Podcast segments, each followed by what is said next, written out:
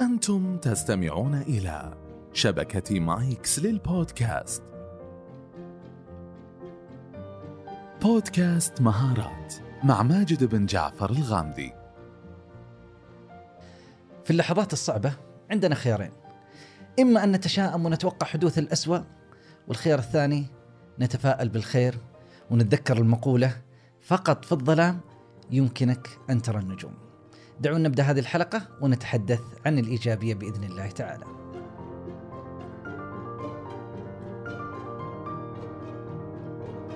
السلام عليكم ورحمة الله وأسعد الله مساكم بكل خير. هالحلقة هي الحلقة الرابع عشر من موسم المهارات الناعمة. أخذنا عديد من المواضيع وتحدثنا فيها وحقيقة رحلة جميلة وناعمة مع المهارات الناعمة. الذي يجعلها جميلة هي الأصداء التي نقرأها في تعليقاتكم آه، على تويتر على منصات التي تستمعوا من خلالها أبل بودكاست أو غيرها من المنصات. آه، شكرا لكم. شكرا على بعض الاقتراحات. حقيقة آه، حلقة اليوم كان جتني لا هذه رسالة على تويتر كانت على الخاص تقول نبغى حاجة تعطينا تفاؤل وإيجابية. ولذلك على طول هممنا وبدأنا في الإعداد لهذه الحلقة. حديثنا إن شاء الله تعالى عن الإيجابية. كنت قاعد أبحث بين الكتب إيش أفضل تعريف لكلمة الإيجابية؟ لقيت تعريفات كثيرة ولكن أخذت تعريف بسيط نصف سطر راق لي كثيرا. يقول لك الإيجابية هي موقف عاطفي وعقلي ثنتين مع بعض. يركز فيه الشخص على الأشياء الجيدة ويتوقع حدوثها بإذن الله تعالى. عقلك وعاطفتك وين الزين؟ أتوقعه وركز عليه وإن شاء الله تعالى بإذن الله أنه يحدث. بس مرة ثانية فيها حاجة عقلية منطقية وليست توقعات هكذا. آه، أثر الإيجابية ترى كبير. أثرها على الحياة على الأمور بما فيها الأثر الصحي وهو اللي لفت نظري. كان فيه موقع اسمه Mayo Clinic فذكروا العديد من الفوائد الصحية للإيجابية وذكروا سبعة فوائد. الأولى إطالة العمر. الثانية انخفاض معدلات الاكتئاب. الثالثة تقليل الشعور بالحزن الرابعة زيادة مقاومة نزلات البرد الخامسة تحسين الصحة النفسية السادسة تحسين صحة القلب والأوعية الدموية السابعة تقليل مخاطر الوفاة الناتجة عن أمراض القلب. كل هذا بعد توفيق رب العالمين بفضل الإيجابية. خليك إيجابي عيش الإيجابية. وخلوني كذا أبغى أبدأ هذه الحلقة بقصة حلوة وراقت لي وابتسمت كثيرا وأنا أقرأها وأستمتع فيها فقلت أنقل لكم هذه القصة. القصة حصلت في أمريكا لشخص اسمه جورج دانتزيج هذا جورج كان عمره 25 سنة. قبلها تم مرحلة الماجستير لمدة عام في جامعة ستانفورد بدأ مرحلة الدكتوراه وهو يدرس الدكتوراه في محاضرة لمادة الإحصاء. أتى متأخرا إلى القاعة. دخل لقى الدكتور قد بدأ حضر في يعني نهاية القاعة جلس انتهت المحاضرة فوجد مسألتين مكتوبة على السبورة. قام كتبها لأنه الدكتور أكثر مرة يترك لكم يترك لهم مسائل مكتوبة على السبورة تعتبر كواجب آه، وهوم وورك فكتبها على أساس يحلها في المنزل. رجع وبدأ يحلها فوجدها شوي أصعب شوي معقدة ولكنه بذل فيها جهد مضاعف حتى حلها جاء المحاضرة التي تليها أعطاها الدكتور بعد نهاية المحاضرة وانصرف. جاءه الدكتور بعدين قال وش اللي سويته يا جورج؟ هل تعلم أنه هذه المسألتين أنا كنت أتحدث مع الطلاب وأقول هناك مسائل في علم الإحصاء توقف العلماء ولم يستطيعوا إثباتهما أو حلهما وهذه المسألتين على نموذج. وأنت فعلا حليتها وحلك يعتبر صحيح. وأنا عرضته على أكثر من دكتور على أكثر من بروفيسور هنا في جامعة ستانفورد وكلهم قالوا هذا الحل فعلا صحيح وأنت تجاوز تجاوزت هذه المعضلة التي توقف عندها العلماء. شاب عمره 25 سنة وحلها ولاحظ مسألة يقول لك يعجز عنها العلماء. إلى هنا القصة جميلة وبعدين جاي يبغى يكمل رسالة الدكتوراه قال له الدكتور المشرف عليه أنت تبغى تختار عنوان رسالة وكل شيء لا لا أعطيني هذه المسألتين وحلك لهم وسوف نعتبرها هي رسالة الدكتوراه وتحصل على درجة الدكتوراه. الجميل في الموضوع هذا كله والذي يهمنا واستشهادنا كيف تكون إيجابي إذا نظرت الأمور بشكل إيجابي إني أقدر أحلهم استطاعوا بذل فيها جهد وحلها. تخيل إنه بقي مثله مثل بقية زملائه عرضت لهم المسألة أنها مستحيلة الحل. كان ممكن خلاص أصلا ما بدأ يحاول وإذا حاول سوف يفكر في ذهنه أوه لا صعبة ما قدروا العلماء قبل يحلونها كيف أنا أقدر أحلها. مرة ثانية كيف تفكر وكيف تنظر في الأمور؟ غالبا يحدث بعد توفيق رب العالمين. القصة الثانية لأوبرا وينفري المذيعة المشهورة المعروفة. أوبرا بدأت تدخل إلى خط التمثيل فتقول إني كنت أحاول إني أدخل لهذا العالم فبدأت بتجربة أداء. ثم بعد ذلك انتظرت ما حد رد عليها فتقول بدأت إني أفكر بطريقة إيجابية وبدأت أحدث من حولي ترى أنا سوف أكون ممثلة أنا سويت تجربة أداء سوف أكون موجودة في فيلم The Color Purple فقالت خلاص سوف أكون أحد الممثلات الرئيسيين في هذا الفيلم وبدأت تتحدث بدون توقف ولكن طال الأمد فيها شهرين ما حد كلمها ولا شيء تقول بدأت أفقد الأمل ثم أفكر بإيجابية أفقد الأمل فتقول بدأت أبكي. في لحظة من اللحظات أتاني اتصال تعالي نبغاك معنا في الفيلم. وبدأت وشقت طريقها وأكملت وفتح لها آفاق أكثر في تمثيل أفلام أكثر. مرة ثانية لا تتوقف فكر بإيجابية توقع الأفضل بإذن الله تعالى ولكن مع عمل لا تتوقع هكذا وانت جالس في بيتك سوف يحدث معجزة. لا توقع معها الحاجة الإيجابية. والعكس صحيح. يتوقع الواحد بعض الأحيان الأمور السلبية ممكن أنها تحدث. دخل النبي صلى الله عليه وسلم على رجل كبير في السن وكان مريض وعنده آه، سخونة وكذا. فقال له النبي صلى الله عليه وسلم طهور إن شاء الله. فماذا رد الرجل؟ قال بل هي حمى تفور على شيخ وقور فتدخله القبور. قال له النبي صلى الله عليه وسلم هي كذلك خلاص.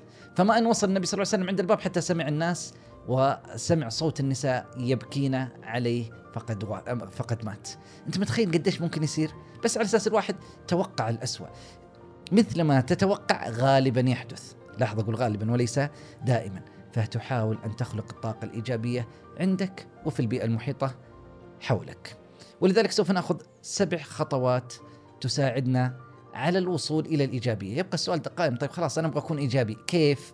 ما أعرف. سبع خطوات تساعدنا على هذا الموضوع. الخطوة الأولى نحو الإيجابية. التركيز على الأشياء الجيدة.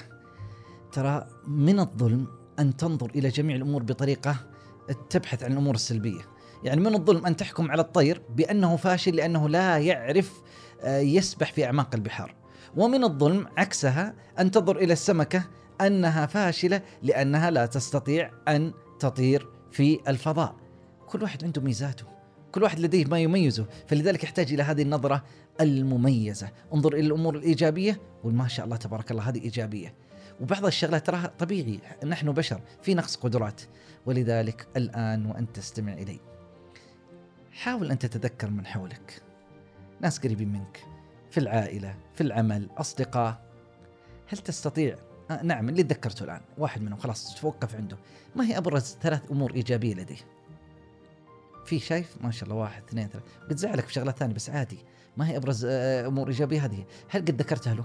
سوف يخلق طاقة إيجابية فيما بينكم. الناس طبيعتها تحب المدح فجزء من الإيجابية التي تخلقها نفسك ولمن حولك امدحهم. اذكر لهم الشغلات الزينة التي لديهم.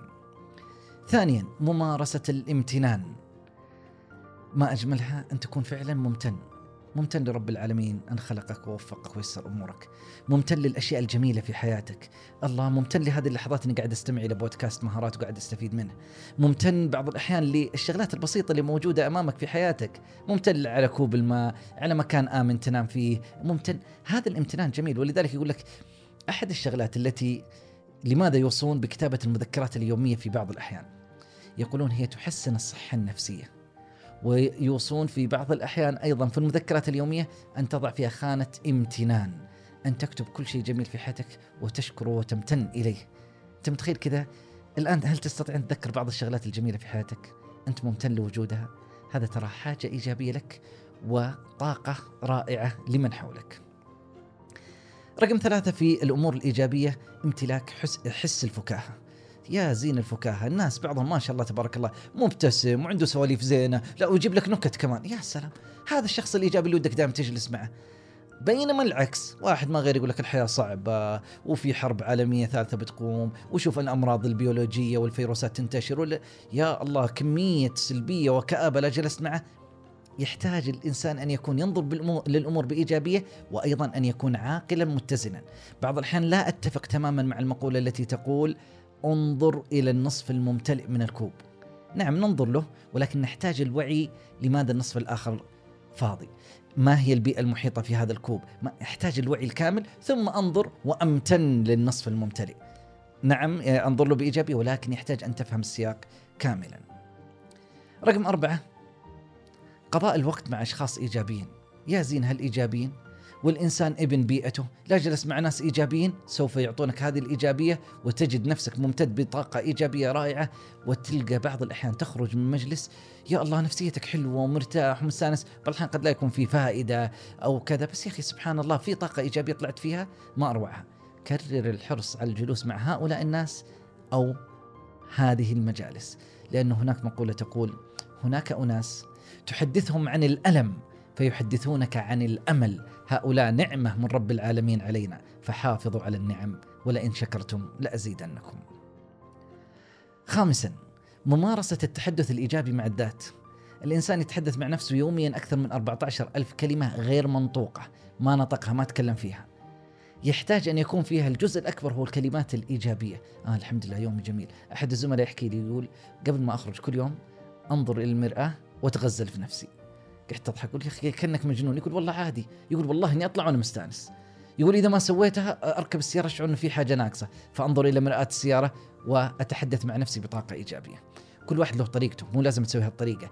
بس حاول أن تتحدث مع نفسك بإيجابية. أنا اليوم بيكون جميل سوف أستمتع بكذا. بيصير هذه الحاجة الحلوة. هذا وجوده سوف يخلق إيجابية حقيقية في الحياة. السادس حاول أن تحدد الأشياء ولا الأوقات اللي تخليك بعض الأحيان سلبي. اللي تطلع فيك المخزون السلبي. وش هي هذه الأشياء؟ وش هالوقت؟ إذا عرفتها الحل أنك تتجاوزها أنك تنظر لها بطريقة مختلفة أن تتعامل معها. الأهم رقم واحد أن تكتشفها. فالسؤال قد شفت نفسك سلبي أو الآخرين قالوا لك سلبي؟ طيب نعم. متى؟ وأين؟ ومع من؟ حاول أن تتجاوزها. اكتشفها ثم تجاوزها. رقم سبعة اتبع أسلوب حياة صحي. كلما مارست شغلات صحية مثلا أقلها التمارين والرياضة تجد بعدها عندك طاقة إيجابية وروح حلوة للحياة نفس القضية الأكل الصحي كل الأمور الصحية سوف تكون مفيدة وتنعكس على حياتك. أخيرا لا يكفي أن تكون على قيد الحياة. حاول أن تكون على قيد الأمل، على قيد الحلم، على قيد التفاؤل، على قيد أشياء جميلة سوف تحصل لك يوما ما بإذن الله تعالى. نلتقيكم على خير ودمتم إيجابيين. لو عجبكم البودكاست لا تنسون تقيمونا على المنصة اللي تسمعونا منها. وأيضا تقدرون تتركوا لنا تعليقاتكم وردودكم في أبل بودكاست وأخيرا يسعدنا مشاركتك للحلقة للناس اللي حولك اللي تعتقد أنهم بيكونون مهتمين بمحتواها نلقاكم في الحلقة الجاية بإذن الله